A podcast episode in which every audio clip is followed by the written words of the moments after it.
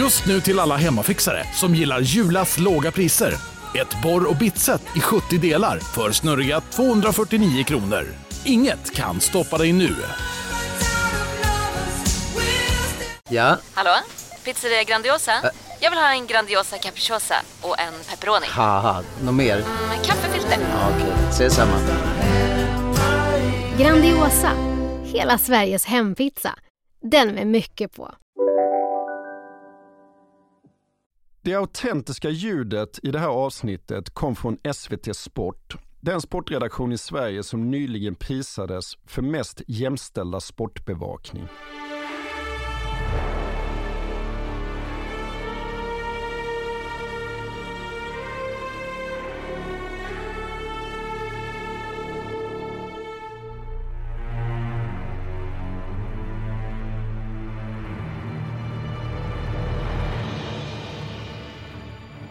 IFK Göteborgs legend från 20-talet får sin jämlike i den 62 minuten. Hanna Ljungberg gör 5-1. Ja, jag trivs med att ha rekordet tillsammans med honom. Det är något fint sällskap. Men han fick inget SM-guld det året. Han fick ju inte det, men det har vi. Då mina damer och herrar ska det hela till att avgöras. Det har blivit dags för straffsparkar i semifinalen i Women's Cup Champions League alltså. Frankfurt i rött mot Umeå. Välkommen tillbaka till When We Were Kings. Förra veckan var vi i Liverpool och pratade om säsongen 88-89 och i den här gången ska vi vända blickarna tillbaka till Sverige. Vi ska prata om Sveriges internationellt sett mest framgångsrika klubb. Vilken ska vi prata om Erik? Idag ska vi prata om Umeå IK runt 2002-2003. Och det är ju en klubb som lyckades genomföra, förverkliga den absolut mest ultimata Åshöjden historia som svensk fotboll, eller tja, någon annan fotboll överhuvudtaget har sett. För Åshöjdens BK, det var ju i böckernas och serietidningarnas värld en liten förening som gick från att spela i de lägre divisionerna till att nästan nå allsvenskan. Umeå IKs damer gick ju på kort tid, på bara några årtionden, från att överhuvudtaget inte existera till att vara bäst i världen med bucklorna och medaljerna för att bevisa det. Och det var faktiskt även en klubb, eller i alla fall ett lag, som jag personligen kände väldigt, väldigt starkt för. Eh, för jag har ju ofta hamnat i den där redogörelsen kring varför jag egentligen inte har någon svensk favoritklubb. Och ja, det är för att jag växte upp där jag växte upp och det var så långt överallt och eh, det visades ingen svensk fotboll på tv på 1980-talet så det blev den engelska istället. Men här så uppstod ju då plötsligt en klubb på ja, någorlunda mina egna breddgrader som tog fotbollen till oss där den inte hade funnits. För på här sidan så var det ju så länge totalt och helt bedrövligt. Vi var en landsände med otroligt dåligt självförtroende när det kommer till fotboll. Alright, Giffarna och till och med IFK Sundsvall var uppe några gånger. Men därutöver hade vi ju ingenting. Vi hade ingen herrallsvensk fotboll norr om Sundsvall på årtionden. Under just de årtiondena som jag växte upp Det också. var väldigt mycket snack om Norrlandsfönstret. Ja, och det, är var egentligen idag, bara ja. relaterat till Sundsvall. Ja. Antingen klättrade Foppa Forsberg in genom Norrlandsfönstret eller så klättrade Ja. ut genom fönstret. Så vi var väldigt, väldigt vana vid, luttrade kring det faktum att fotbollen, den pågick någon annanstans. Vi satt där uppe i vår infrusna del av världen och drömde oss bort bortåt, drömde oss neråt, drömde oss till kontinenten där det minsann spelades en annan typ av fotboll och där det minsann var en annan typ av människor som nådde framgångar och lyfte bucklor. Och så kom Umeå IK, bokstavligt talat från ingenstans och bara blåste bort så väldigt mycket av hela den där isolerade känslan.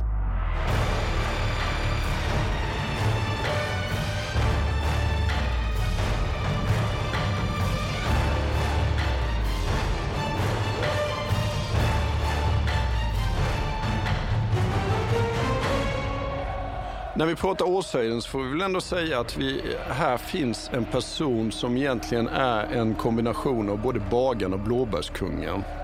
Och det började ju på en krog i Umeå med det fantasifulla namnet Krogen. Ja, du måste, alltså, jag har ju bott i Umeå, vilket även har rätt mycket att göra med att jag kommer att känna så starkt för det här laget. Och när du pratar om den här krogen så måste du benämna den som Krogen Krogen. Man kan inte säga krogen som heter krogen, utan det är krogen Ja, men heter krogen. inte krogen då? Ja, det kanske är, men det är i folkmun Krogen Krogen. Krogen Krogen på Ålidhem, det stora studentområdet där jag och hundratusentals andra studenter någon gång har bott. Okej. Vad hände på krogen Krogen 1984 då över ett par öl?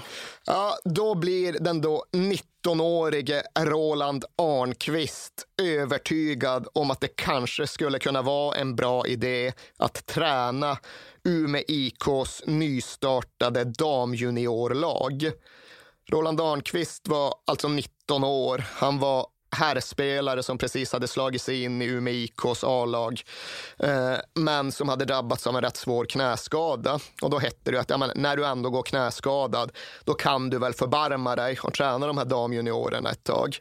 All right. Han lyckades efter, jag vet inte om det var sjätte eller sjunde ölen, eh, gå med på detta. Och där började ju allt egentligen. Han åtog sig ett halvår eller något sånt där. Något i den Ja. stilen. Men sen ledde ju det ena, som det brukar heta, till det andra.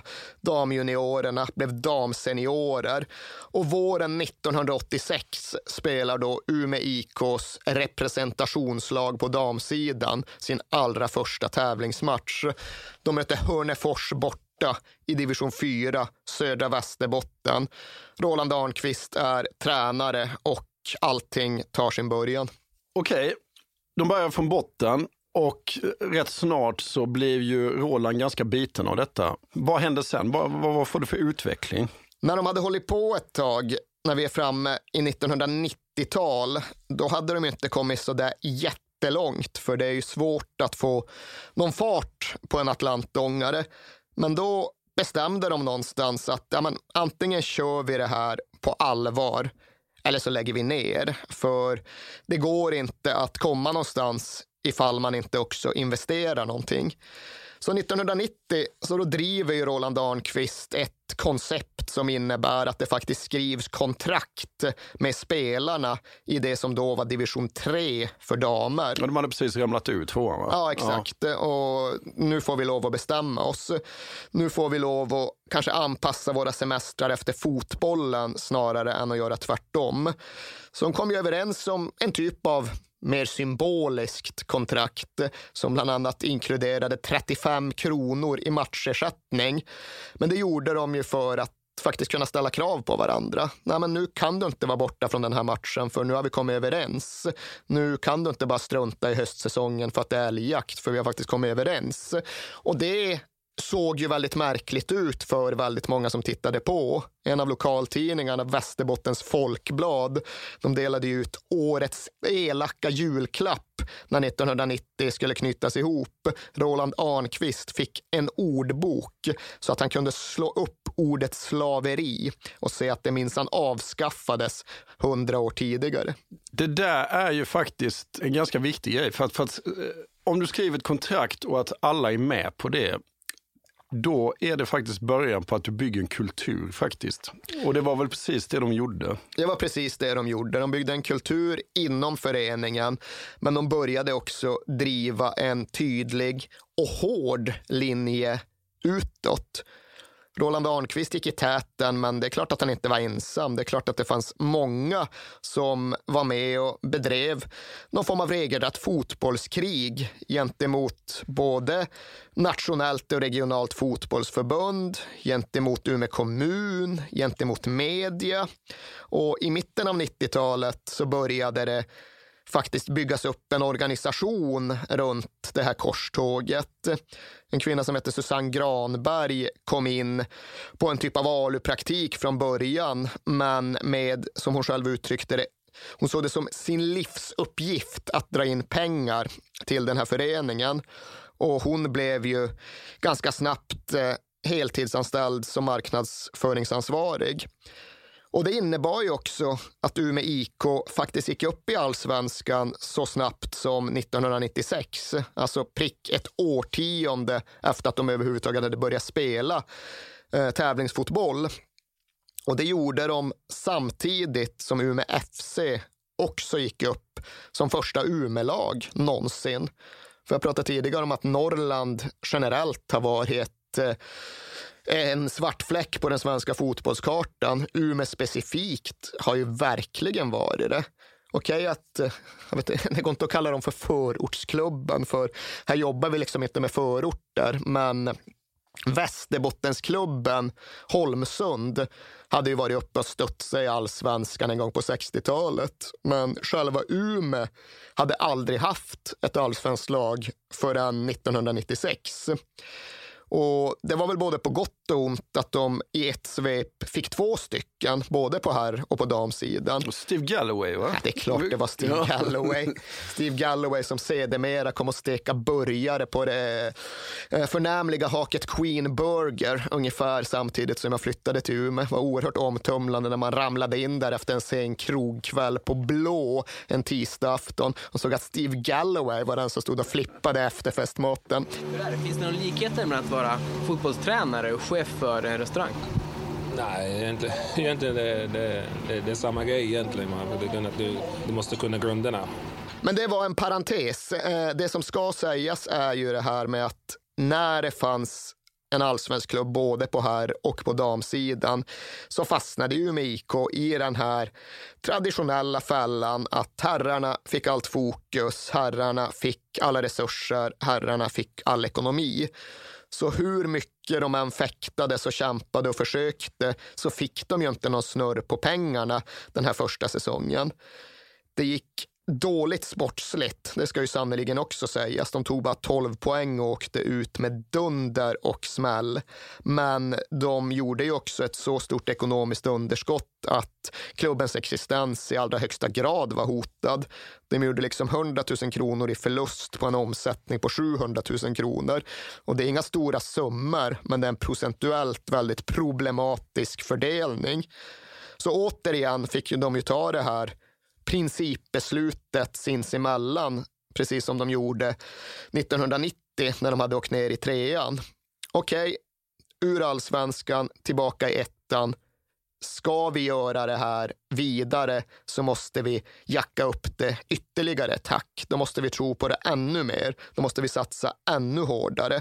Och gör vi inte det, ja, då är det lika bra att vi lägger ner. I praktiken var det ju så att skulle de inte ha vunnit ett ettan och gått upp i allsvenskan igen 1997, då hade de i alla fall lagt ner sin elitsatsning. Det är ju ändå, alltså när du åker ur allsvenskan, det hade ju kunnat vara där att vi inte orkar mer eller att oj, det gick inte. Och, och då hade, liksom, då hade det varit en helt annan historia idag. Ja, då hade och det de... hade inte varit något konstigt. Nej, nej, nej, verkligen inte. Då hade de ju just ändå gjort ett försök. De hade ju redan då lyckats bättre än vad Åshöjdens BK någonsin gjorde i sagan. Mm. På så sätt att de faktiskt hade tagit sig upp i högsta serien. Men nej, de kom överens om och de lyckades kraftsamla för ytterligare en stor ansträngning. Och de investerade ju i att bygga upp organisationen och de investerade väl framför allt i att försöka bygga en publik och skapa ett intresse för så som de själva uppfattade saken och så som historien kom och bevisa att de hade helt rätt i, det var ju det här att ska de lyckas lösa upp den här moment 22-knuten så måste de kanske börja med publiken. För finns publiken, då går det också att gå till sponsorerna och säga att ja, men, ni borde samarbeta med oss. Ni borde skicka pengar vår väg, för vi har ju ett stort intresse i ryggen. Det går att gå till media och säga att ni borde verkligen skriva mer om oss. Ni borde verkligen uppmärksamma oss i radio och på tv, för vi har ju publiken, vi har ju intresset. Så de började i den änden. De gjorde en jättesatsning på att liksom strössla fribiljetter omkring sig och mer eller mindre bära folk till matcherna. Och det innebar ju att när de återvände till allsvenskan 1998 så hade de redan då Sveriges högsta publiksnitt på damsidan. De hade 852 personer i snitt under sin andra allsvenska säsong. Och det låter inte mycket. Det är inte mycket, men det var ändå mer än någon annan damförening lyckades uppbåda. Och har man det i ryggen kan man gå utåt och föra sig själva med titeln som Sveriges mest publikdragande klubb på damsidan, då har man ju någonstans en paketering att utgå ifrån. Då har man någonting att sälja in. Då har man en position som ja, redan då fick Roland Arnqvist och de andra runt Umeå IK och börja prata om att ja, vi ska bli världens ledande damfotbollsförening. Vi ska ha störst publik, vi ska ha bäst resultat, vi ska ha den mest kraftfulla ekonomin. Och det var det de tog med sig tillbaka upp i allsvenskan snarare än den här ja, naturliga nedskruvningen som du var inne på.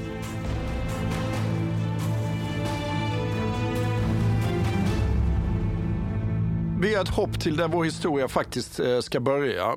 Vi börjar med finalen i Women's Cup 2002 mot Frankfurt. Ja, och det här blir en lite asymmetrisk säsong vi ska berätta om, så tillvida att vi både ska prata om Umeå IK och deras allsvenska spel 2002. Men vi ska ju även gå igenom deras internationella spel i Uefa Women's Cup. Så det blir mer av ett kalenderår än en traditionell säsong. Men precis som du säger så har ju Umeå IK våren 2002 nästan tagit sig hela vägen fram till sina drömmars mål. De har inte bara etablerat sig i allsvenskan, utan de har börjat prenumerera på SM-titlar. De har vunnit guld efter guld och de är nu på tröskeln mot att erövra hela Europa. Och det är en fotbollstid som innehåller väldigt mycket framgångar och ljus för Umeå men det är även en fotbollstid, en idrottstid som tyvärr innehåller en hel del bottendjupt mörker. För i mars 2002, precis innan Umeå IK ska spela kvartsfinalen i Women's Cup, då omkommer fem unga handbollsspelare från Umeå IKs damsektion i en olycka på väg hem från en bortamatch då deras bil frontalkrockar med en mötande timmerbil. Och det är klart att i en liten förening som Umeå IK alltjämt var och är så påverkar ju det här precis alla. Även om fotbollsspelarna inte hade några sådana där jättedaglig kontakt med handbollsspelarna så var ju såklart alla bekanta med varandra och klubbkansliet blev ju omedelbart ett kriscentrum där både kyrkan och socialtjänsten och polisen och räddningstjänsten fanns till hands för att försöka hantera all den här sorgen. Och det var ju speciellt såklart för Umeå IKs damer att på något sätt behöva förhålla sig till det här. Att gå på minnesgudstjänsterna och någonstans samtidigt försöka få fart in i tävlingssäsongen och Women's Cup-slutspelet. Och de seglar faktiskt igenom Women's Cup-slutspelet ända fram tills de står där vid finalen mot mäktiga FFC Frankfurt. Och det här var ju i en tid då det fortfarande var uppenbart att det var de här tyska spelarna som regerade fotbolls-Europa. Svenskorna hade ju mött dem bland annat i en EM-final och förlorat. De hade stött och gnuggat mot de här och fallit för det mesta. Nu kom de dessutom till finalen i ett läge då det var rätt svårt för dem att göra sig själva rättvisa för de hade flera långtidsskador på viktiga spelare. De hade Hanna Ljungberg avstängd på ett egendomligt sätt och de tvingades gå ut för att spela finalen på bortaplan i Frankfurt med en avbytarbänk där det faktiskt bara gick att skrapa ihop två utespelare och då ställas mot ett motstånd som bestod av de bästa spelarna som fanns i Europa. Birgit Prins, kommer jag ihåg? Ja, ja Birgit Prins är väl kanske den bästa damfotbollsspelaren som någonsin funnits. Det är i alla fall så hon ses vid den här tiden. Och hon kommer ju också att spela en avgörande roll. Frankfurt är numret större. De manglar sönder ett decimerat och lite skadeskjutet Umeå. Och Birgit Prins gör ett mål och legendaren Steffi Jones gör ett annat. Och Frankfurt vinner ganska odiskutabelt med 2-0. Och det här var faktiskt första gången Umeå IK förlorade en fotbollsmatch på nästan två år. De hade spelat 64 raka matcher utan förlust. Men när de väl skulle ta det sista steget så blev det uppenbart för både de själva och för alla andra att ah, de var inte där ännu. De mäktade helt enkelt inte med att göra det. Då stod de väl lite inför samma typ av situation som de hade gjort 1990 när de ramlade ur tvåan, som de hade gjort 1996 när de ramlade ur allsvenskan. Jaha, vad gör vi nu då? Hur reagerar vi på det här bakslaget? Klarar vi av att lära oss av det, samla styrka och kraft i det och bli ännu bättre, gå ännu längre? Och svaret kom väl egentligen redan i den första allsvenska matchen som Umeå IK spelade efter förlusten. De mötte de Mallbacken och de vann med 11-1.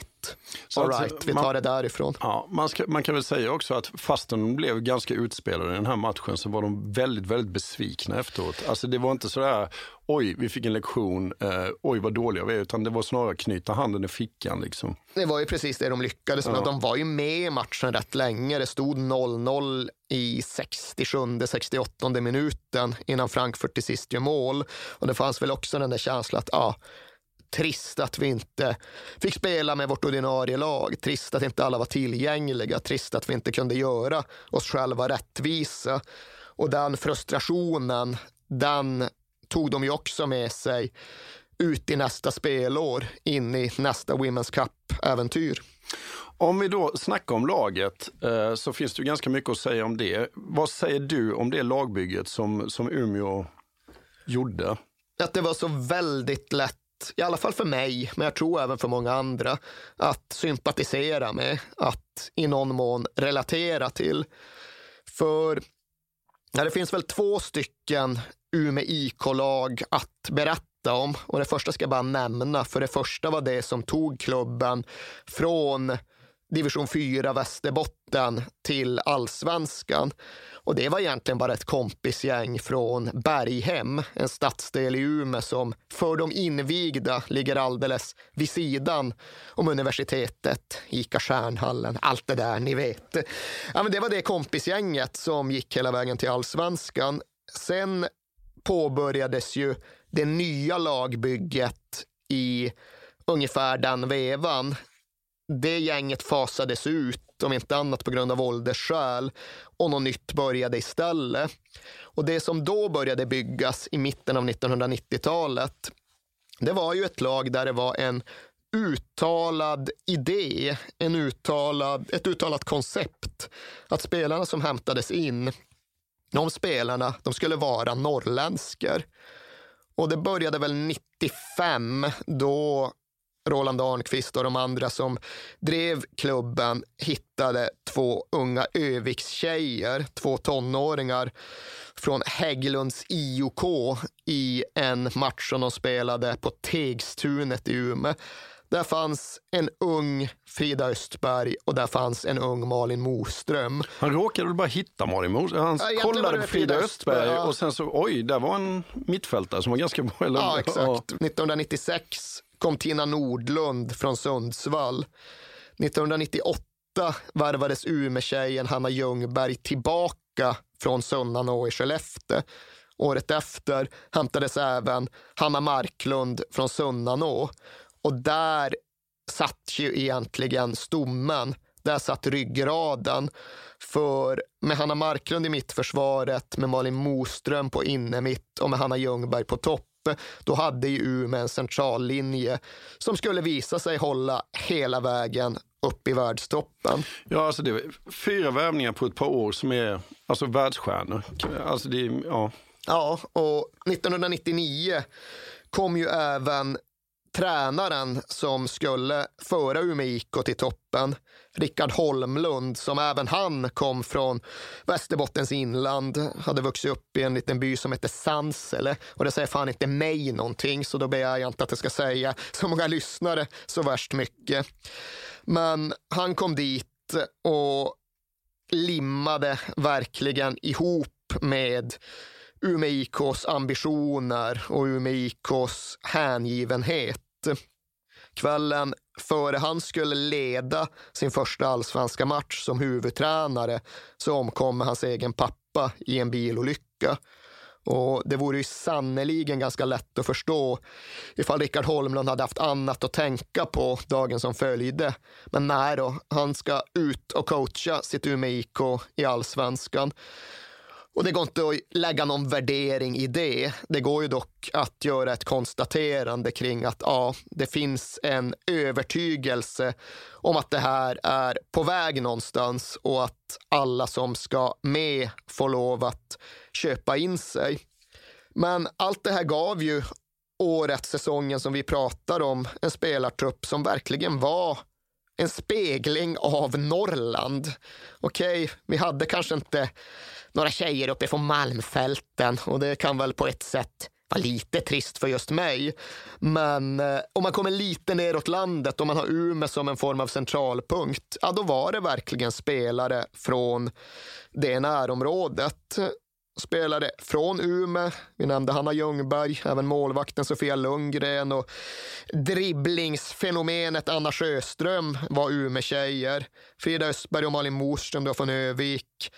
Hanna Marklund från Varuträsk. Det är en en pittoresk liten by utanför Skellefteå. Får jag bara fråga här med tanke på att du är från Malmberget. Eh, hur långt är det mellan Malmberget och Umeå? det är så jävla långt så du fattar inte. Men det är väl, vad är det, 50-55 mil någonting. Oj, ja. Så visst, alltså när jag pratar om att jag kommer att liksom känna starkt för det här laget och jag kommer att liksom relatera till deras lokala prägel så hör det också till saken att jag själv flyttade till Umeå för att plugga 1999, alltså precis då Umeå IK verkligen får grejerna på plats plats. Så jag bodde ju i stan och jag gick ju på matcherna under de här allra mest intensiva åren på vägen upp. Så jag lärde känna spelarna med egna ögon från första parkett på det sättet.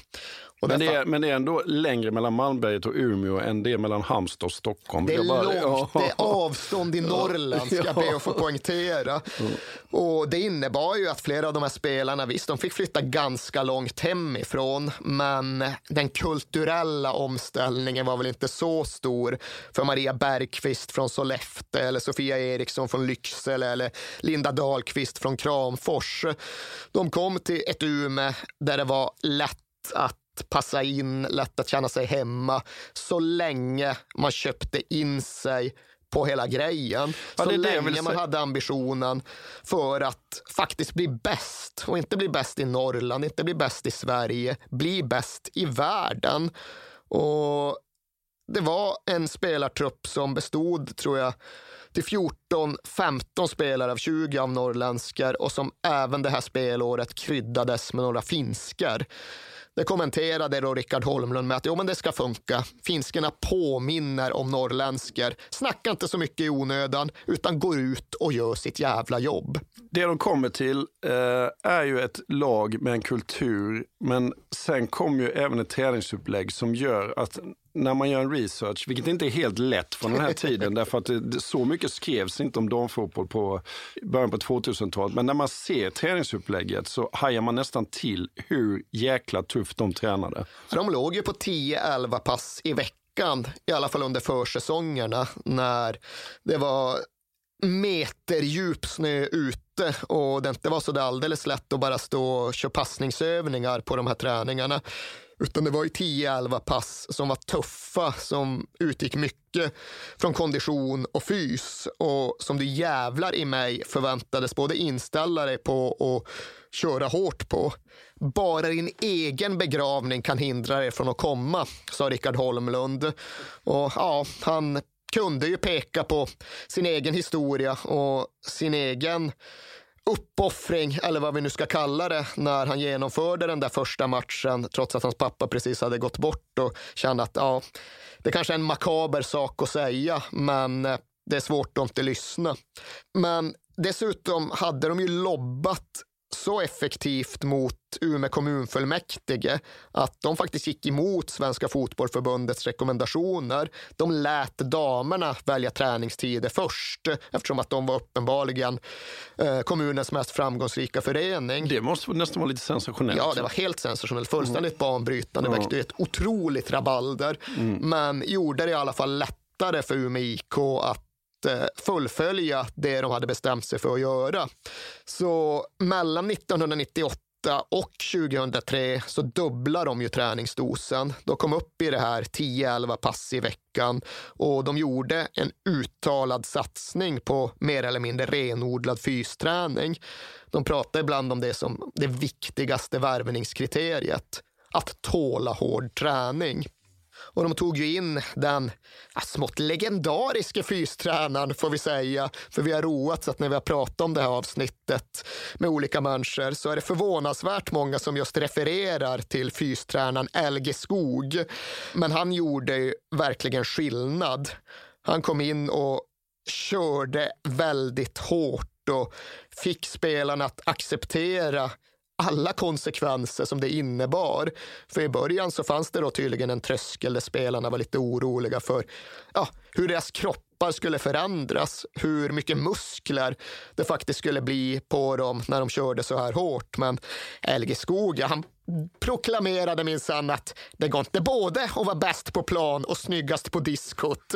Ni får någonstans acceptera att det kanske inte kommer i precis alla jeans ni har tänkt er när vi kör på det här sättet. Och det låter väl kanske lite skrockigt så här med 20 år i backspegeln, men det var ändå en väldigt viktig eh, vägvisande skillnad som det blev fråga om när Umeå IK valde den här vägen. Jag har siffror här. Eh, om de stämmer så är de ju rätt otroliga. Det är att under 2002 spelar Umeå IK 41 matcher. De genomför 339 träningspass.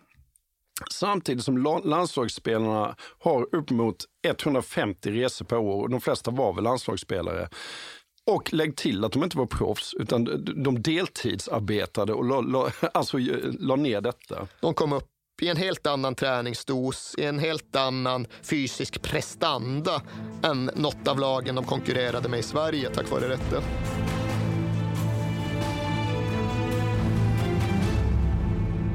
Jag vill inleda med att säga att det är garanterad jackpot på 13 miljoner på Stryktipset. Och fy fasen. Ja, visst. Skulle du behöva 13 miljoner eller?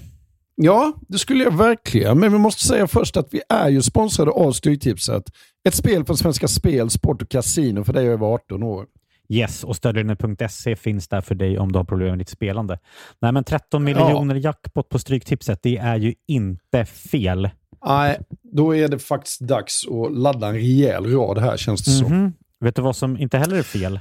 Nej. Födelsedagsfirandet och alla härliga Mm. historier vi får in. Exakt, Mm. för vi är ju mitt inne i Stryktipsets 90-årsfirande som vi firar med att läsa upp fantastiska historier från våra lyssnare som skickar in dem till kings at perfectdaymedia.se. Precis, bomba på nu. Det är åtta månader kvar på det här firandet, så att, eh, vi kör nu. Mycket Stryktipshistorier vill vi ha. Mm. Och i dagens har vi fått från Peter som skriver så här. Hej på er och tack för en helt otrolig podcast. Den har räddat mina veckor i snart fyra år. Tack så mycket Peter. Min historia är ganska färsk, men den om när det vände på stopptid gav kanske inte de största pengarna, men känslan i mig består. Jag spelar ofta för lite mindre pengar på Stryket, följer fotbollen men är långt ifrån en nörd. Och allt såg väldigt bra ut senast, förutom på min etta på Manchester United mot Brentford.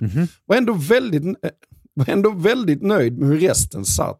Men på stopptid satte min nya favoritspelare, skotten McTominay, två mål och vändningen fullbordades. 64 rader blev 12 000 kronor.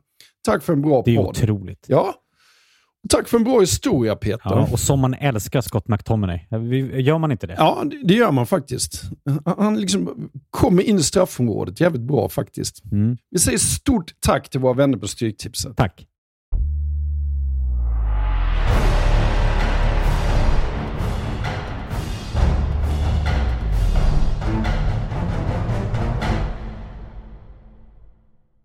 Så här extrem träning så finns det ju även risker, eller hur? Så är det och det fick Umeå IK erfara att när man bryter ny mark, när man försöker flytta gränser så medföljer absolut risker och i det här fallet även sorgliga konsekvenser. I november 2002 så avslutade landslagsspelaren, diamantbollsvinnaren Tina Nordlund sin fotbollskarriär för gott eftersom hon hade drabbats av anorexia. Det kom ju å ena sidan som en chock och det kom å andra sidan som något som det tyvärr hade gått att skönja en del tecken på. För det hade varit en diskussion i och runt Umeå IK om att det nästan hade uppstått någon typ av tävling i att äta så lite som möjligt i laget. Det var små portioner, det var ingen sås, det var ingen efterrätt, det var inget godis. Och det var ett läge där just Algeskog redan tidigt under 2002 faktiskt erbjöds att säga upp sig. För han var rädd för att han hade bidragit till någon typ av mathysteri och hälsoextremism.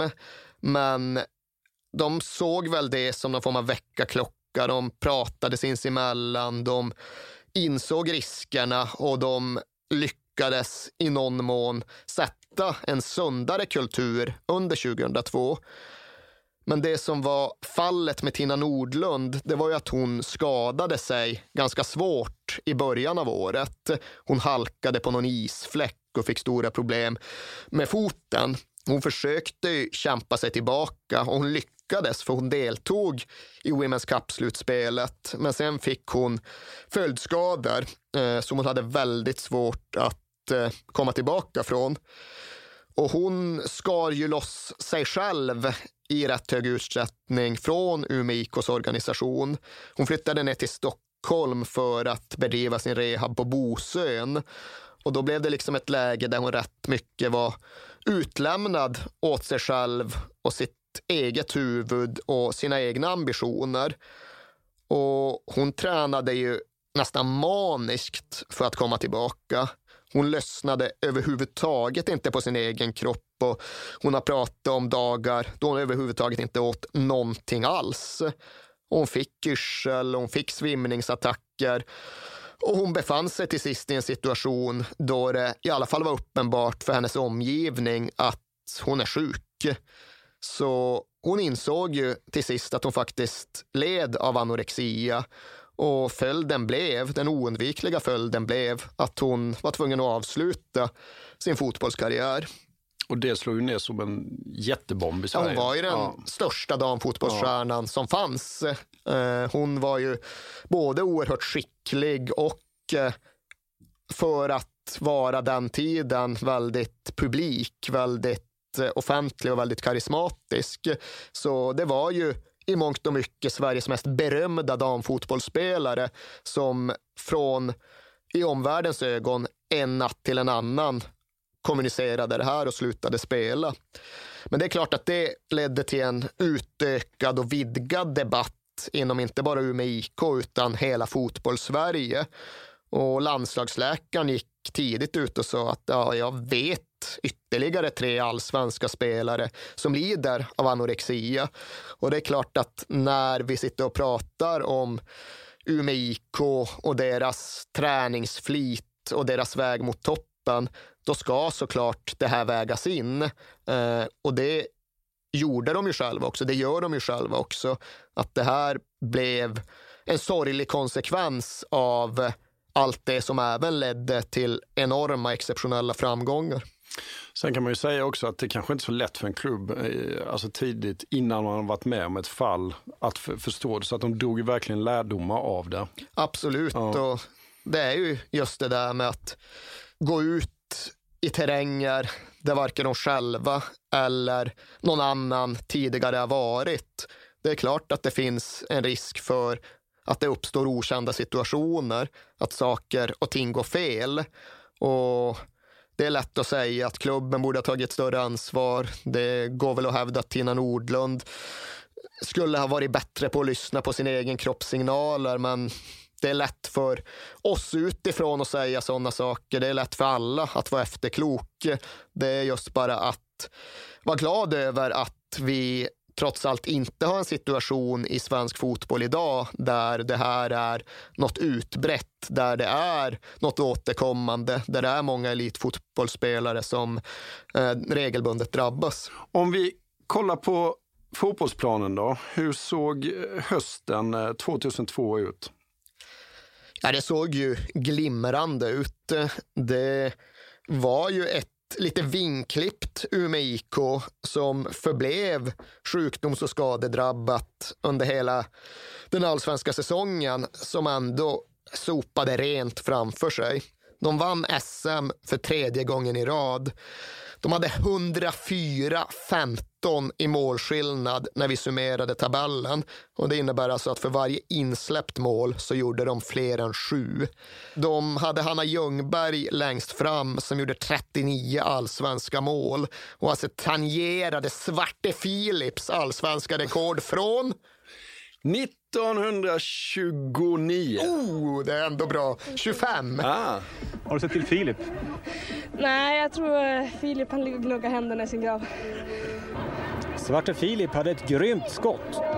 Det har Therese Kapstad också. Och Laura Kalmari petar in returen, Umeås första mål mot Djurgården denna eftermiddag. Umeå jagade mål nummer 100 i årets serie. Anna Ljungberg har gjort 38 av dem. Hon finns med framför mål, men det blir Laura Kalmari som blir historisk målskytt. Mål nummer 100 i årets damallsvenska. Linda Dahlqvist, nummer 101. Anna Sjöström, mål 102. Och så blir det straff precis innan halvtid. Hanna Ljungberg kan bli historisk. Är det myten om Svarte Philips förbannelse vi ser födas? ja, den där Svarte Filip som är och fifflar med huvudet med. Nej, man ska aldrig ta en straff när man själv blir fälld. Så är det så. IFK Göteborgs legend från 20-talet får sin jämlike i den 62 minuten. Hanna Ljungberg gör 5-1. Ja, jag trivs med att ha rekordet tillsammans med honom. Det är fint sällskap. Men han fick inget SM-guld det året. Han fick ju inte det, men det har vi. 39 mål för Hanna och på sin 39-årsdag kan tränaren Rickard Holmlund dansa hem sitt och lagets tredje raka SM-guld efter 6-1 mot Djurgården. Och de tog ju även dubbeln. De spelade cupfinal på Råsunda inför ett herrderby faktiskt. De vann med 3-0 mot Landvetter. Konstaterade att ja, men det var ju kul att hela den norra ståplats var draperad i Umeå IKs gulsvarta färger när det väl var dags att lyfta bucklan. De hade mer än 7000 åskådare själva på en hemmamatch mot Malmö FF och eh, de gjorde ju saker som ingen svensk damfotbollsförening tidigare hade gjort. De susade ju även igenom Women's Cup-spelet som ju började då på hösten 2002. De hade inte jättestora problem med mästarinnorna från Estland och Färöarna i gruppspelet. Och de klarade även kvartsfinalspelet mot franska Toulouse utan större problem på planen. De hade dock problem utanför planen och det kan bara vara värt att nämna för att det är en sån här lustig liten anekdot som säger rätt mycket om vart damfotbollen generellt befann sig i Europa vid den här tiden. De var tvungna att flyga till Madrid snarare än till Frankrike för att det var såklart strejk i Frankrike. Det, det är ju vad det är. Men när de sen skulle ta sig upp till Toulouse, ja, då satt de i en buss där busschauffören tappade kartan. Rent fysiskt så blåste den ut genom fönstret och sen satt han typ där och hade ingen aning om vart han skulle. Visst, det går ju att ta sig till Toulouse med vägskyltar, men sen då? Hotellet? Ingen aning. Okej, okay, de lyckades i alla fall ta sig fram vad det led. Och sen skulle de faktiskt åka till matchen. De skulle dra iväg för att spela kvartsfinal i den absolut finaste turnering som fanns på europeisk nivå. Ja, då kör busschauffören dem till fel arena i Toulouse. Han kör dem till en arena, men han kör dem till fel arena. Men det känns nästan som han gjorde det med vilje. Kanske, ja. kanske inte. Det är i alla fall svårt att se att något liknande skulle hända på herrsidan vid den här tiden. Så de kom ju en timme sent till matchen, liksom fick tjata om att de fick lov att skjuta upp avsparken snarare än något annat. Och när de väl hade städat av Toulouse på planen och skulle återvända hem, då konstaterade de ju att ja, de som vanligt hade gjort ett rätt stort ekonomiskt minus på hela resan. Det kostade ju, det var ju dyrt att spela kvartsfinal i Women's Cup för en svensk klubb på den här tiden. Och när de väl summerar 2002 så gör de ju det med en omsättning på 6,5-7 miljoner svenska kronor. Det är inte mycket pengar, men det är ändå en tiodubbling jämfört med vart de hade varit det första allsvenska året. Det är mycket mer än någon annan svensk damklubb hade vid den här tiden. Och Ja, vad innebar det egentligen? Ja, de gick väl till och med lite plus. Ja, det kanske de gjorde. Ja, det gjorde de faktiskt. Ja. Ja. Mm. Men det innebar ju att de just hade en spelartrupp med världsstjärnor och en snittlön på ungefär 4 000 kronor i månaden till spelarna. Och det var inte alla som ens fick så mycket. Det var flera spelare som ja, egentligen inte tjänade någonting alls från Umeå IK. Alla jobbade eller studerade fortfarande under 2002. Alla. Och de försökte ju verkligen. De eh, gjorde allt för att nå ut till liksom riksföretag. För även om de hade varit bra på att tjata in sig i Umeås näringsliv så är Umeå en småföretagarstad. Där hade de liksom 115 olika sponsorer, men de hade inga stora bjässar. Men när de tog fart mot 2003 så då gjorde de det med en ambition att höja alla spelararvoden med 100 procent. Och det är inte så mycket pengar det rör sig om när vi tittar tillbaka, men det är en rätt offensiv målsättning mm. att ha. Och de Väldigt likt Umeå känns det som. Ja. ja, de lyckas ju någonstans lösa det. De får för första gången en mer nationell sponsor när de knyter ett rätt stort avtal med Volkswagen. Och de får en annan sponsor att det ger dem inte så mycket pengar, men det är symboliskt lite snyggt. Att köpa en stjärna och döpa den till Umeå IK. Det bakre högre hjulet i lilla Karlavagnen, 127 ljusår bort. Där finns det än idag, en stjärna som heter Umeå IK. 186 gånger större än vår egen sol. Lyser 5000 gånger starkare. Umeå IK. Och där någonstans började de sitt 2003. En snabbare karriär kan man knappast tänka sig. I våras debuterade hon i Allsvenskan med Sunnanå och nu är hon alltså uttagen till OS-truppen. Med sina 17 år är hon den i särklass yngsta och mest otippade i laget. Nej men sluta ljug nu. måste, vad ville du egentligen? men då sa han ju det jo men du är ju uttagen. Jaha, kul tyckte jag. Jag tror att det som har följt med mig genom hela karriären är att jag älskar att spela fotboll. Jag tycker att det är skitskoj. Vi pratade om Hanna Ljungberg tidigare och att hon gjorde 39 mål den här säsongen. Vi, vi måste nästan stanna till lite vid henne eftersom hon var eh, den bästa anfallare som någonsin hade funnits i Sverige. Ja, och hon blev ju också den första helprofessionella kvinnliga fotbollsspelaren i Sverige i precis den här vevan. När UIK försöker höja arvodena, när de knyter upp större sponsorer, då möjliggör de också den situationen att för första gången kan en kvinna i Sverige leva på att enbart spela fotboll. Inte bara genom lönen från UIK, utan även tack vare sina personliga sponsorkontrakt och bidrag från eh, den svenska olympiska kommittén så får hon i alla fall ihop det. Hon kan spela fotboll på heltid och hon gör det som det solklart största nya affischnamnet, inte bara för UIK utan för hela den svenska damfotbollen.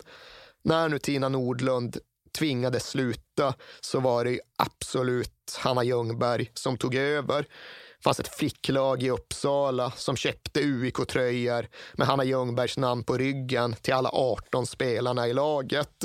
För det var den statusen hon snabbt spelade ihop till under den här tiden. Och hon var ju en speciell spelare på så väldigt många sätt. Hon var ju så skicklig och så effektiv och så stor på planen och samtidigt så liten. Mm. Hon var 1,59 lång, vägde väl sisådär 59 kilo och hade ju 35 i skostorlek. Alltså Romario ungefär. Ja, ännu mycket. Ja, men hon kunde ju inte hitta fotbollsskor för hennes fötter var tydligen eh, disponerade så att de, trots att de var så pass små, ändå var rätt breda. Så hon kunde inte köpa de fotbollsskor som fanns på barnavdelningen. Hon försökte ju det, men det gick inte. Men i och med att hennes status höjdes så pass mycket så fick hon ju Puma, en av UIKs samarbetspartners, att specialtillverka skor till henne. Så det hände ju saker med Hanna Ljungberg och i förlängningen då med svensk damfotboll den här vintern. Hon blir heltidsanställd som fotbollsspelare. Hon får sina specialtillverkade skor och hon genererar någon typ av eko som sträcker sig över hela världen. Till att börja med så försöker ju damfotbollsklubbar från alla håll och kanter att värva henne. San Diego vill ha henne och San Jose vill ha henne till USA. Och det lockade väl lite grann, men hon fick liksom inte ihop det vare sig ekonomiskt eller med säsongsupplägget. Lazio i Italien, kunde det vara något? Åka dit och spela med Lazios damer? Nej, det var trots allt inte heller något hon var sugen på. Men under 2003 så då blir hon ju faktiskt utsatt, är nog rätt ord, utsatt för ett aktivt värvningsförsök från Serie A-klubben, alltså herrarna i Serie A-klubben Perugia. De gör ju ett stort nummer av att oh, de vill värva Hanna Ljungberg för att spela med herrarna i Serie A.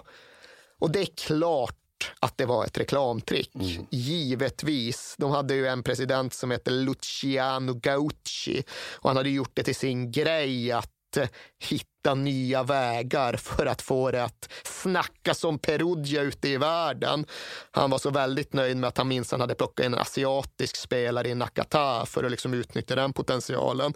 Han hade dessutom samma år värvat Sadi Gaddafi, alltså Gaddafis ja, son ja. från Libyen, ja. Eh, med allt vad det innebar. Mm. Och nu var då hans nästa idé att han minst skulle plocka in en damfotbollsspelare. Han skulle plocka in Hanna Ljungberg för att eh, demonstrera att eh, hon minsann också kunde hävda sig bland herrarna. Det känns inte bara som reklamsnack. Alltså det var ju reklamsnack så tillvida att eh, det såklart inte var tanken att hon skulle förstärka laget. Men det var ju inte reklamsnack så tillvida att de inte på allvar försökte att genomföra värvningen. De försökte ju få henne till Italien. De hade ju fysiska möten med Roland Arnqvist på Arlanda där de presenterade konkreta kontraktsförslag. Från början trodde ju Hanna Ljungberg bara att det var ett skämt just, att det såklart inte alls skulle konkretiseras. Men när hon väl insåg att au, de kommer faktiskt presentera ett erbjudande. Då har hon ju pratat om hur hon mer än någonting annat var livrädd. För hon var livrädd att det skulle vara så mycket pengar att det faktiskt inte gick att säga nej till. Att hon behövde åka ner till Italien.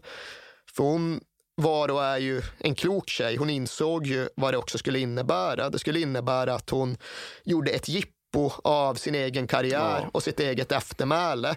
Att det kvitt hittade hur många Svarte Filip-rekord hon hade tangerat och hur mycket hon gjorde för landslaget. Att alla bara skulle komma ihåg henne som den där damfotbollsspelaren som åkte till Serie A för att låta sig visas upp.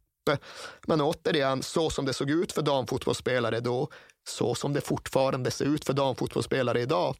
Så att det hade varit 50 miljoner på bordet. Ja. Hon hade ju behövt åka. Absolut. Men så var det inte. Det var två miljoner på bordet, tror jag. Och då gick det att säga nej till. Då gick det att fortsätta spela fotboll i Umeå IK och faktiskt vara en idrottsutövare snarare än någonting annat. Jag måste säga också med Hanna Ljungberg att hon var ganska liten men hon var en väldigt fysisk spelare. Alltså, Stenhård. Och, och råkade rätt illa ut när man ser tillbaka på hennes karriär. Hon var totalt hänsynslös ja. mot sig själv och redan vid den här tiden så var hon ju skadedrabbad. Eh, och det innebar ju att så fort man pratade med henne under det här året, vilket jag gjorde rätt mycket jag skrev mycket om både Umeå IK och Hanna Ljungberg det här året. Då pratade hon om ja, hur mycket klokare hon hade blivit, hur hon minsann inte hoppade in i alla situationer, hur hon värderade och klev ut sidan snarare än att bara satsa sina egna benpiper i varje närkamp. Och visst, det kunde man ju lyssna på och det kunde man ju skriva. Men när vi sedan summerade Hanna Ljungbergs karriär långt senare i tiden, då gick det att konstatera att de värsta skadorna hon drabbades av, de kom ju senare. De kom när hon spelade med all den här klokheten hon påstod sig ha byggt upp. Det är lite som Peter Forsberg, hur han spelade när han kom till NHL. Ja, det finns absolut paralleller mm. att dra både i spelstil och kynne. För Hanna Ljungberg var ju en tjurig jävla spelare. Oerhört beslutsam, oerhört hård mot sig själv i utvärdering av sina egna prestationer. Väldigt mycket något som även genomsyrade hela UIK på den här tiden. Extremt hårda krav på sig själva, extremt tuffa mot varandra på de egna träningarna. Det var ju så här att eh, till exempel Hanna, eller Hanna Marklund, mittbacksfantomen Hanna Marklund, hon funderade ju redan i det här skedet på att lämna UIK och flytta tillbaka till Sunnanå, trots att de stod på tröskeln mot världsdominans. Och anledningen var ju att det var för tråkigt och det var för innehållslöst att spela mittback för Umeå IK. Hon fick hantera två situationer per match och det enda som gav henne någonting rätt idrottsligt, det var ju träningarna för att de körde så satans hårt och det var sån extrem intensitet. Och jag minns att jag var uppe och såg något träningspass dagarna innan de skulle spela semifinal i Women's Cup mot Frankfurt och det var ju slagsmål på de där träningarna. Liksom släpp in någon mål, Sofia Lundgren, målvakten, och liksom bara studsar upp och bara skriker på sina egna försvarare. Tar bollen, sparkar den ut till snön 40 meter bort så någon stackars funktionär får liksom pulsa och hämta den därefter. Ja, det, var, det var hårt. Ja. Det var ett hårt eh, klimat runt UIK för de hade så höga förväntningar och så stora krav på sig själva. Du nämner semifinal mot Frankfurt där och vi är faktiskt framme där. De har segrat väldigt mycket. De är eh, extremt bra i allsvenskan 2002 och nu är de framme mot Frankfurt igen. Ja, och det här skulle ju någonstans bli finalen redan i semifinal. Det visste de själva och det visste alla som tittade på, för det här var så uppenbart Europas två bästa lag. Jag tar mig friheten att berätta en liten aning om min egen upplevelse här, för det var speciellt Eh, vet inte i vilken utsträckning du minns det här som gammal Sportbladet-anställd, men det var ju precis när Tina Nordlund då hade sadlat om från att vara fotbollsspelare till att försöka bli journalist och vi hade tagit in henne på Sportbladet. Så jag flög ju upp till den här matchen tillsammans med Tina Nordlund. Det var vi två som skulle jobba med att rapportera om den och det var ju häftigt för mig. Liksom. Wow, flyga upp till matchen och jobba med Tina Nordlund. Det blev speciellt för att hon hakade på på liksom mitt gamla kompisgängs usla förfester under den här långhelgen. Och det var hon inte förtjänt av. Men det var ju såklart väldigt mycket mer speciellt för henne. Det var ju liksom en laddning i luften för även om hon hade pratat med sina lagkamrater hade hon knappt träffat dem eh, sen hon avslutade sin egen karriär. Hon bodde i Stockholm? Ja, hon bodde ja. i Stockholm ja. och hade inte alls varit uppe i Umeå särskilt mycket. Så det satte ju en speciell prägel på hela vår upplevelse. Det var något speciellt även för Frankfurt att komma upp hit. Det var precis i början av april och det låter väl inte så farligt med Women's Cup-öron. Det är väl inget speciellt med att man spelar en Europacup-semi i början av april. Men det här är alltså Ume. Och även om jag personligen inte tycker att det är så där jättemycket Norrlandspoäng på Ume så är det ändå samma breddgrad som Grönlands huvudstad. Och det låg ju driver. Det låg meterdjup snö längs och runt med matcharenan de här dagarna. Det hade snöat kraftigt precis före matchen, kommit tre decimeter på bara några dagar och blåst det som meteorologerna benämner som styv kuling. Och när Frankfurt landar så går en av stjärnorna, Pia Wunderlich, ut på flygplanstrappan och bara skakar på huvudet och hörtar sig schrecklich, förskräckligt. Sen börjar matchen och sen gör Pia Wunderlich mål efter fyra minuter. Och det var ju deppigt, för UIK fick inte alls matchen dit de själva ville i den här första hemmamatchen. De ligger under och den här känslan av att ja, Frankfurt är kanske alltjämt lite större och lite starkare och lite mer erfarna. Den hinner någonstans börja sätta sig. Och det borde inte vara så, för nu har ju UEK sitt ordinarie lag. Däremot har Frankfurt försvagats i och med att både Birgit Prince och Steffi Jones har dragit till USA. Så det här var liksom dags. Det var tiden var inne för ett tronskifte, men det verkar inte bli så. Frankfurt tar ledningen, Frankfurt kontrollerar matchen rätt bra. Men UIK lyckas i alla fall rädda upp det hjälpligt. För den lokala talangen Maria Nordbrandt, hon blir inbytt sådär efter en timme på sin egen 18-årsdag. Och hon stöter in kvitteringen nästan omedelbart och lyckas på så sätt i alla fall staga upp det hela. Men 1-1 hemma mot ett lag man tidigare känt sig lite underlägsen gentemot.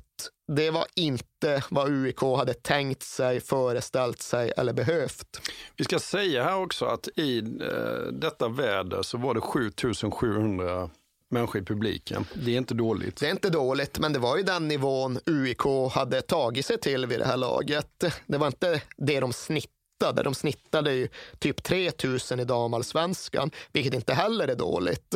Men när det var stormatch, när de mötte MFF eller något av de internationella storlagen, ja då drog de in 6, 7, 8, till slut till och med 9000. Och det har ju aldrig hänt, vare sig förr eller senare, att en svensk damklubb faktiskt har etablerat sig eh, på den typen av publiknivå. Ja. Okej, okay, 1-1 första.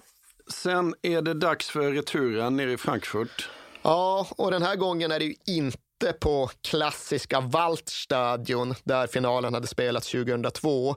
För den ska byggas om inför Tysklands herr-VM 2006.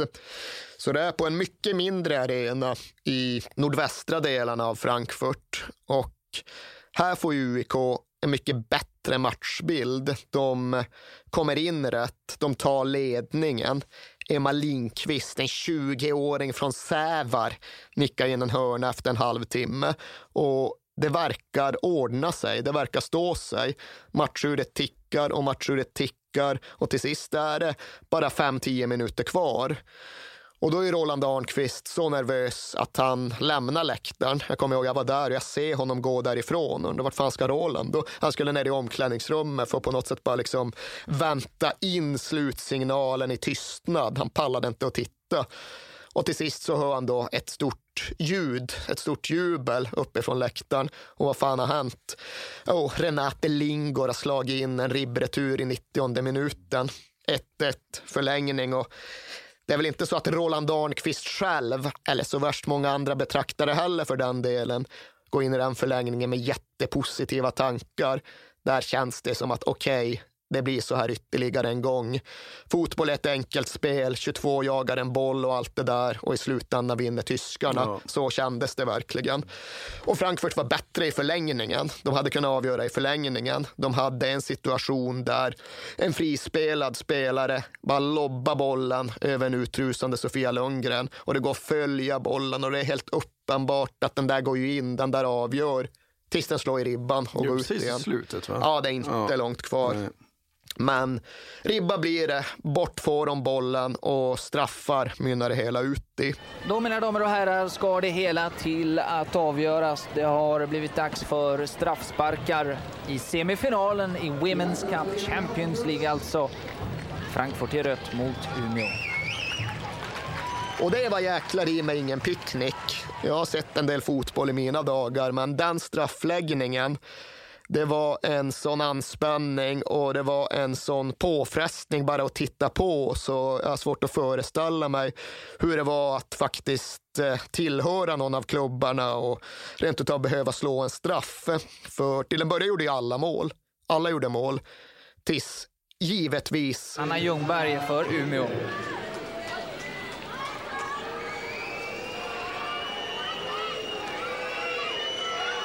Har en lång ansats.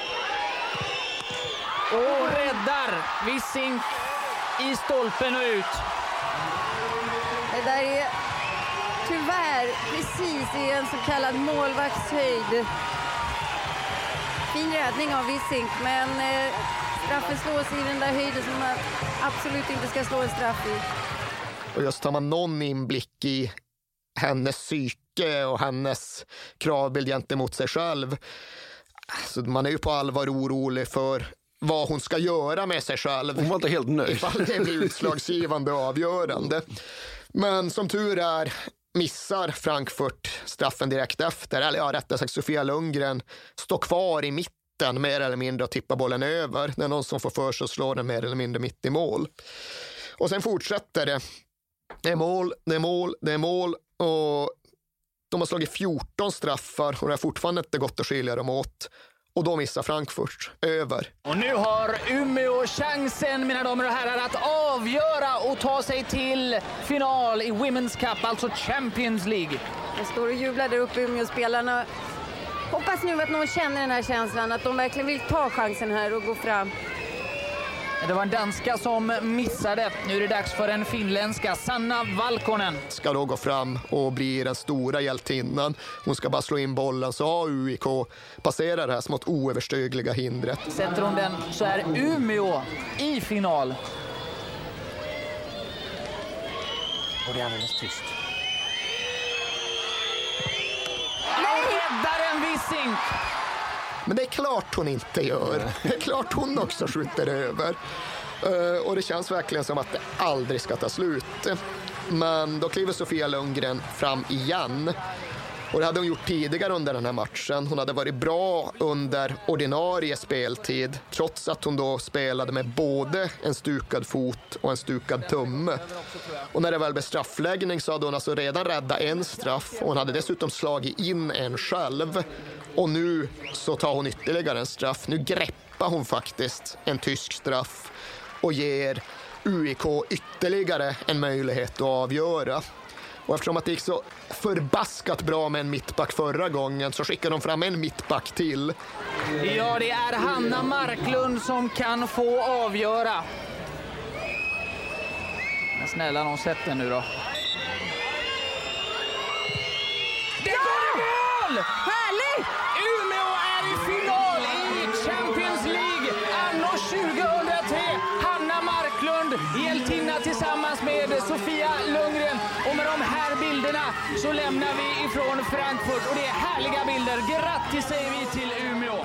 18 straffar senare har Umeå IK i praktiken erövrat både Europa och världen. För det här var mästarmötet, mm. det här var tronskiftet. Det här var den matchen som fick Rickard Holmlund, tränaren, att bara gå rakt in i duschen och ställa sig och gråta. Det var matchen som fick honom att beskriva den som den bästa match som två klubblag någonsin spelat på damsidan. Och han hänvisar ju då till den norrländska envisheten blandad med den finska sisun som det avgörande. Men det här var en match som jag själv känner mig väldigt privilegierad att ha varit på plats och bevittna. För det är liksom en av de stora, en av de klassiska matcherna i den internationella svenska fotbollshistorien.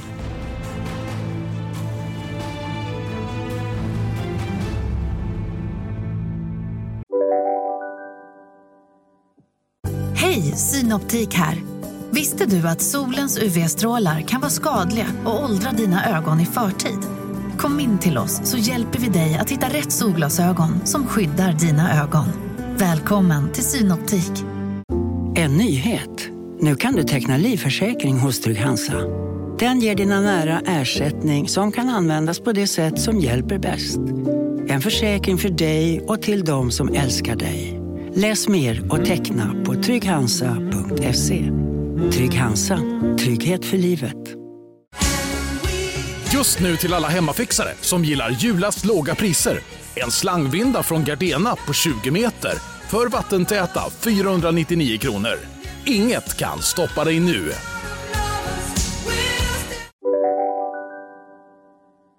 Då är de framme i final, Eh, men på hemmaplan så har det dykt upp ett nytt lag som helt plötsligt eh, genom rejält motstånd. Ja, det händer ju grejer på hemmafronten. För nere i Stockholm har två bra lag förvandlats till en storsatsande förening. Djurgården-Älvsjö hade slagit ihop verksamheten och siktade då på att skapa ett spjutspetslag. Och det var såklart inte okomplicerat på något sätt. Djurgården hade mött Älvsjö i den sista matchen föregående säsong och direkt efter slutsignalen fick de höra att okej, okay, nu har ni varit derbyrivaler, nu har ni stångats med varandra och nu är ni lagkamrater, nu slår vi ihop. Och det var liksom inte alls förankrat eller planterat, så det kom som en total chock för de spelarna och flera liksom grät. De tyckte inte alls det där lät något vidare. Mm. Och det fick liksom konsekvens att det fortfarande var en hel del grupperingar och så när de gick in i sin säsong. Men de fick ihop det. De började vinna matcher. De tog upp kampen med Umeå IK. Och till slut så, så är det faktiskt så att eh, Djurgården-Älvsjö vinner SM-guld den här säsongen. Bryter på så sätt Umeå IKs segersvit hemma i allsvenskan. Men det var ju inte det som var Umes främsta fokus, största mål under 2003, utan det var ju att för första gången som första svenska klubblag faktiskt bli bäst i Europa. I förlängningen, i praktiken, även bäst i världen. För även om det fanns bra klubbar borta i USA så var de starkaste ligorna de europeiska.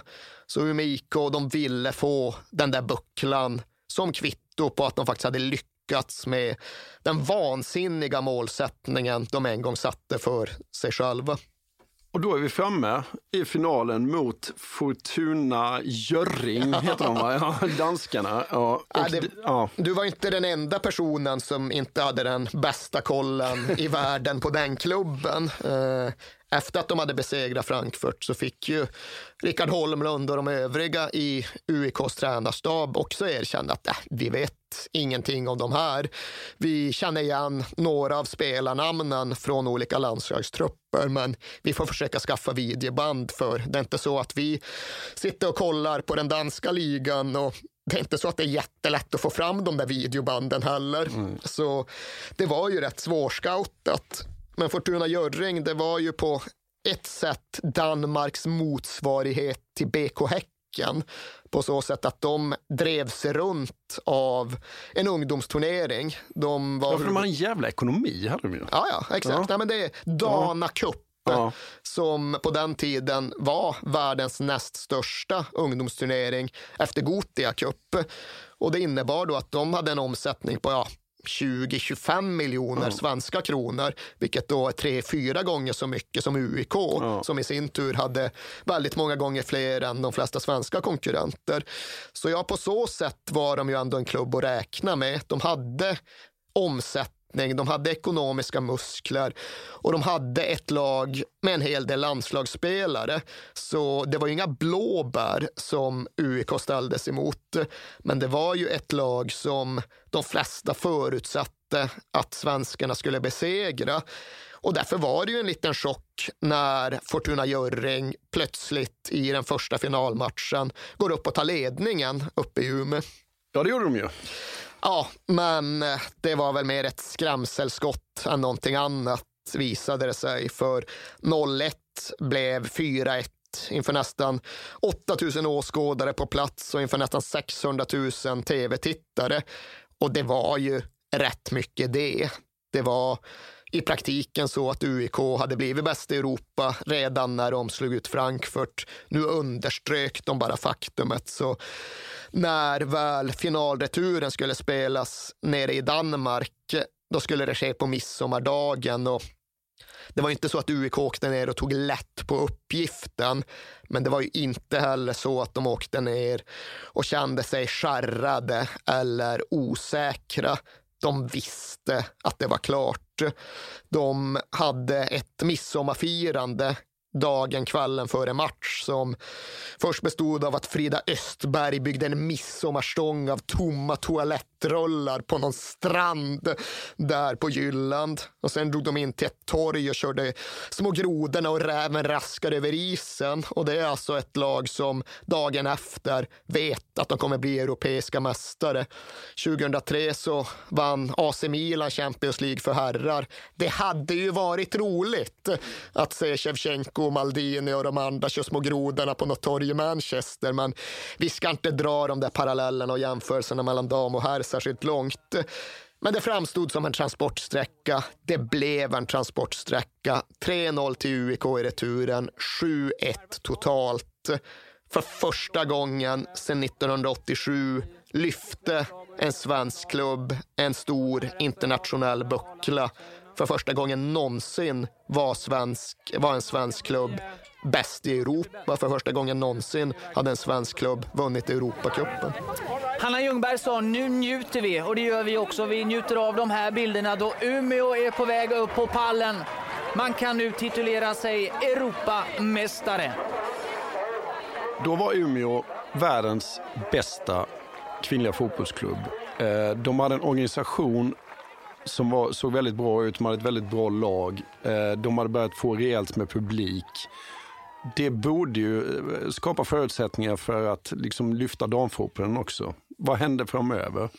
Ja, det hände ju väldigt, väldigt mycket såklart. Och det tog ju inte många månader innan det blev uppenbart för en ännu mycket större publik hur fantastiskt allt det här egentligen var. Hur långt allt det här verkligen hade kommit. För det svenska lag som hösten 2003 åker till USA för att spela VM, för att gå till VM-final och för att locka 3,8 miljoner tittare till den matchen hemma i svenska tv-soffor det bestod ju till hälften av spelare från Umeå IK. Det var ju de som drev det laget också. Det var ju deras ambitioner och deras stridsvana och deras skicklighet som gjorde allt det möjligt. Så på något sätt bevisade ju de just vad UIK-konceptet någonstans hade för kraft och för potential för bokstavligt talat hela Sverige. Men UIK som förening, de gick ju efter 2003 i en ny riktning. Det får vi ändå lov att säga. Det första som händer är ju att tränaren Rickard Holmlund lämnar klubben efter säsongen och det kommer att skära sig mellan honom och Roland Arnqvist, alltså någonstans de två stora ideologerna och arkitekterna på ett ganska trist sätt. Men UIK håller ju sig kvar på toppen i ytterligare ett år.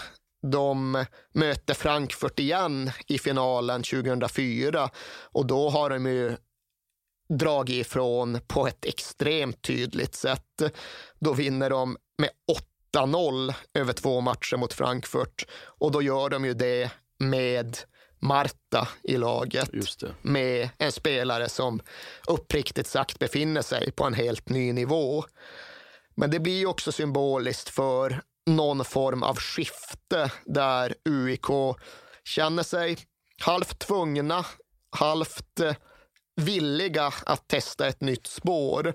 För långsamt men tydligt börjar ju den här första stora framgångsgenerationen att fasas ut.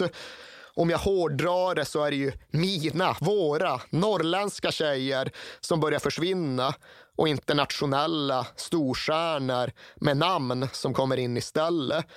Hanna Marklund gör den där flytten hem till Sönnan och Skellefteå för att få anstränga sig lite i försvarsspelet. Ja. och med tiden så sticker ju Frida Östberg och flera av de andra tjejerna börjar lägga av och istället kommer in då brasiliansker och kinesiskor och japansker och ja, för den delen skandinaver som June Pedersen och schweiziskor Ramona Bachmann. Då försökte de ju någonstans bli världens ledande damfotbollsförening på ett lite annat sätt. Mm. Då skulle de liksom värva ihop de bästa spelarna i världen snarare än de bästa spelarna i Norrland. Och det är rätt lätt att förstå tanken bakom, men för mig personligen ska jag väl erkänna att något gick lite förlorat mm. när UIK inte längre var en förening som representerade Norrland på samma självklara sätt. Men i förlängningen så Ja, i förlängningen ja. så fick de ju betala ja, för det kan Ja, det säga. fick de väl. Ja. Till att börja med fick de ju stora framgångar, ja. det är klart vi ska säga Nästan det. för stora va? Kanske. För damfotbollens skull. Ja, ja. Jo, när, kanske så blev de för överlägsna, i alla fall på hemmaplan. Mm. Men de höll ju sig kvar på, om man säger den europeiska, den internationella toppen i ja, men fem år styvt räknat. De vann som sagt Women's Cup igen 2004. De fortsatte plocka SM-guld lite halvt när de ville och de gick till ett par Women's Cup-finaler igen. De var där både 2007 och 2008 men förlorade. Men 2008, det blir ju på något sätt faktiskt slutpunkten för den riktigt stora framgångseran. Då var de väl kanske på någon form av topp. Då hade de just spelare med namn som klingade över hela världen. Då omsatte de 15 miljoner kronor. Och det är inga jättelika pengar med dagens mått Förhållandevis, Förhållandevis var det mm. också en omsättning som faktiskt började närma sig de eh, klubbar som hade riktigt liten omsättning i herrallsvenskan. Det började nästan bli fråga om en situation där Umeå IK kunde nafsa dem i hälarna och i förlängningen i framtiden kanske segla förbi dem. Men det blev ju inte riktigt så. Eh, Roland Arnqvist kom ju att lämna Umeå IK 2008 och med honom så är det ju bara att konstatera att väldigt mycket av det visionära och väldigt mycket av förmågan att ligga i framkant och överträffa sig själva även försvann. Och samtidigt, den säsongen så slutade ju även Hanna Ljungberg. Ja, och någonstans får vi väl också säga att 2008 var sista året då svensk klubbfotboll faktiskt låg i världstopp. För under det dryga årtionde som har gått sedan dess så har det ju blivit allt svårare för våra klubbar att hävda oss. Visst, vi kan hävda att Tyresö var i Women's Cup-final så sent som 2014. Men det var ju en ekonomiskt dopad förening. Det var ju inte en klubb som nådde dit på riktigt, utan det var en klubb från en fotbollsnation som blev ifrånåkt. Idag så är ju inte längre realistiskt att tro att de svenska mästarinnorna ska kunna vinna damernas Champions League. Nu för tiden är det ju de stora herrklubbarna och deras damsektioner som blåser ifrån. Det är liksom Man City oljepengarna, det är PSG och deras resurser. Det är Real Madrid och Barcelona och Arsenal och FC Bayern München och allt det där. När vi nu ser tillbaka så tvingas vi konstatera att ja, det är bara IFK Göteborg och Umeå IK som har vunnit internationella titlar i Sverige. Och så kommer det nog dessvärre att förbli.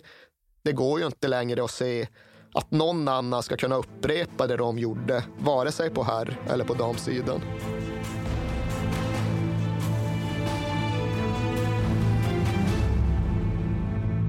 Okej, men om man tittar lite på Umeå IK ur ett mer företagsekonomiskt eh, synsätt så är det en väldigt intressant klubb. Därför att om man, eh, Roland Arnqvist var en man med visioner. Men visioner har typ varenda företagsledare eh, som, som leder ett företag. Problemet är att väldigt ofta så gör man ingenting av de där visionerna. Men det gjorde Roland. Han bröt ner sina visioner i väldigt mätbara målsättningar. Sen gjorde han någonting som kallas för kritiska framgångsfaktorer som listades. Och det är att för att nå de här målsättningarna så måste vi träna hårdare än några andra. Och det måste alla stå bakom, därav det här kontraktet. Gör man det här väldigt bra så byggs en kultur, vilket gjordes. Han insåg att de måste ha en organisation som stöt, stöttar upp den här satsningen. Han insåg att hur viktig ekonomin var för att få det här att funka och jagade lokala sponsorer som säkrade ekonomin mer än ja, någon annan man har sett i Sverige i princip. Dessutom så tog han fighten med att de ska ha samma träningsmöjligheter som männen och som möjliggör den här satsningen. Och när allt det var gjort så måste du i princip jobba halvt ihjäl dig 365 dagar om året utan något startkapital.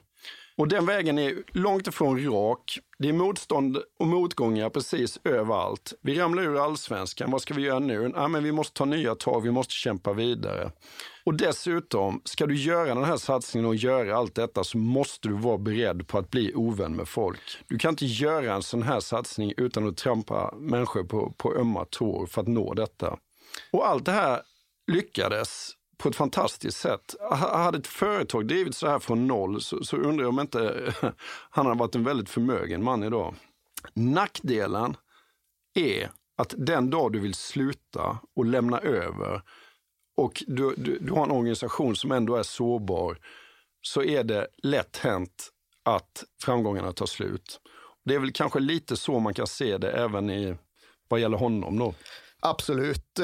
Det är ju väldigt ofta så att när en person har varit väldigt drivande och väldigt stark och väldigt central i en organisation, ja då blir det ju svårt med tronföljden. Och i ett fotbollssammanhang så räcker det att titta med liksom klubbar som har blivit av med en manager som har varit central. Man kan dra Alex Ferguson-exemplet ja. och bara vara lite skev i jämförelsen.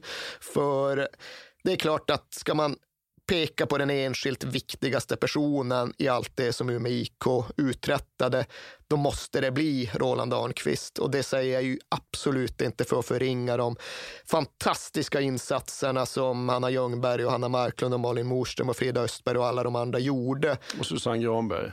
Som på marknadssidan, ja. ja precis. Nej, det finns jättemånga att nämna, men det blir ju liksom extra tydligt också när Roland Arnqvist kliver av just 2008 och framgångarna verkligen ja, försvinner med honom. Därefter så blir de ju, blir de, de blir lite femma och sexa och sjua och åtta i tabellen. Lite fram och tillbaka och till sist så är vi framme vid 2016 då det tidigare totalt och fullständigt otänkbara händer att Umeå IK, eller Umeå IK FF som de numera heter, för att de var tvungna att strukturera om organisationen eftersom att den inte längre höll ihop. Ja, de åker ur allsvenskan trots då att landslagsspelare som Hanna Glas och Lina Hurtig, alltså spelare som var med och tog medalj för Sverige i VM i somras, fanns i truppen. Men där kom ju den riktigt mörka, låga sportsliga punkten i Umeå IKs historia. Nu är de ju dock tillbaka mm. i allsvenskan och det är ju en situation som jag och förhoppningsvis många med mig möter med glädje. De kommer inte vinna damernas Champions League igen, men de kommer inte heller sjunka tillbaks ner genom seriesystemet till platsen de en gång kom ifrån i mitten av 1980-talet. Jag vill ju verkligen tro att de är en tillräckligt stark förening för att göra sin egen historia någorlunda rättvisa för att faktiskt stanna kvar som etablerad allsvensk förening.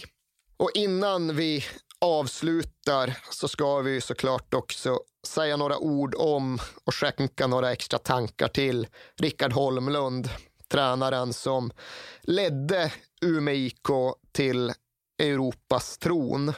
För han omkom ju sorgligt nog i en bilkrasch på riksväg 51 utanför Örebro 2011.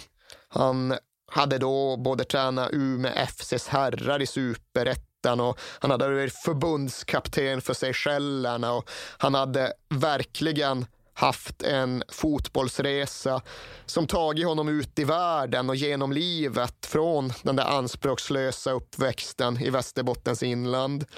Och vid tiden för olyckan så var han tränare för Sleipner i Norrköping och pendlade från hemmet i Örebro. Och bara två veckor innan den tragiska dödsolyckan så hade han krockat med en älg utanför Finspång, klarat sig med en hjärnskakning och haft någon typ av änglavakt och gjorde då intervjuer om hur han funderade på att sluta pendla. Så här går liksom inte att hålla på. Jag kommer ha svårt att köra i mörker framöver, sa Rickard Holmlund då. Och sen hände det där två veckor senare och det är klart att det är oerhört tragiskt och det är väldigt sorgligt att behöva konstatera att han miste livet, bara 47 år gammal. Men han uträttade saker i livet, precis som alla andra inblandade i historien om Umeå IKs otroliga framgångar. De gjorde något som inte borde ha varit möjligt. De förverkligade den ultimata idrottssagan. De började med tomma händer i en del av landet där det inte fanns någon elitfotboll. De började utan att ens ha ett lag, utan att ha någon damklubb i sin egen förening.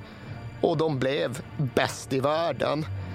Det är ju någonstans liksom idrottens absolut mest centrala essens. Att gå från ingenstans alls och ta sig genom sin egen kraft, sina egna ambitioner, sitt eget driv hela vägen upp till världstoppen. Något liknande har ju aldrig hänt i svensk idrott och jag befarar ju såklart att något liknande aldrig kommer hända igen.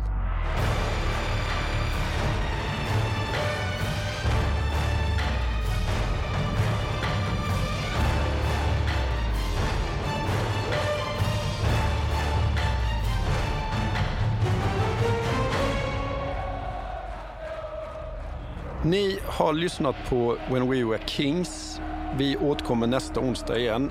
Vi blir jätteglada om ni mejlar oss på kings at perfectdaymedia.se. Vi kommer svara på alla mejl och det är otroligt vad fina förslag vi får. Där vi säkert kommer göra flera framöver. Ha det bra till nästa onsdag. Hej då. Den här podcasten är producerad av Perfect Day Media.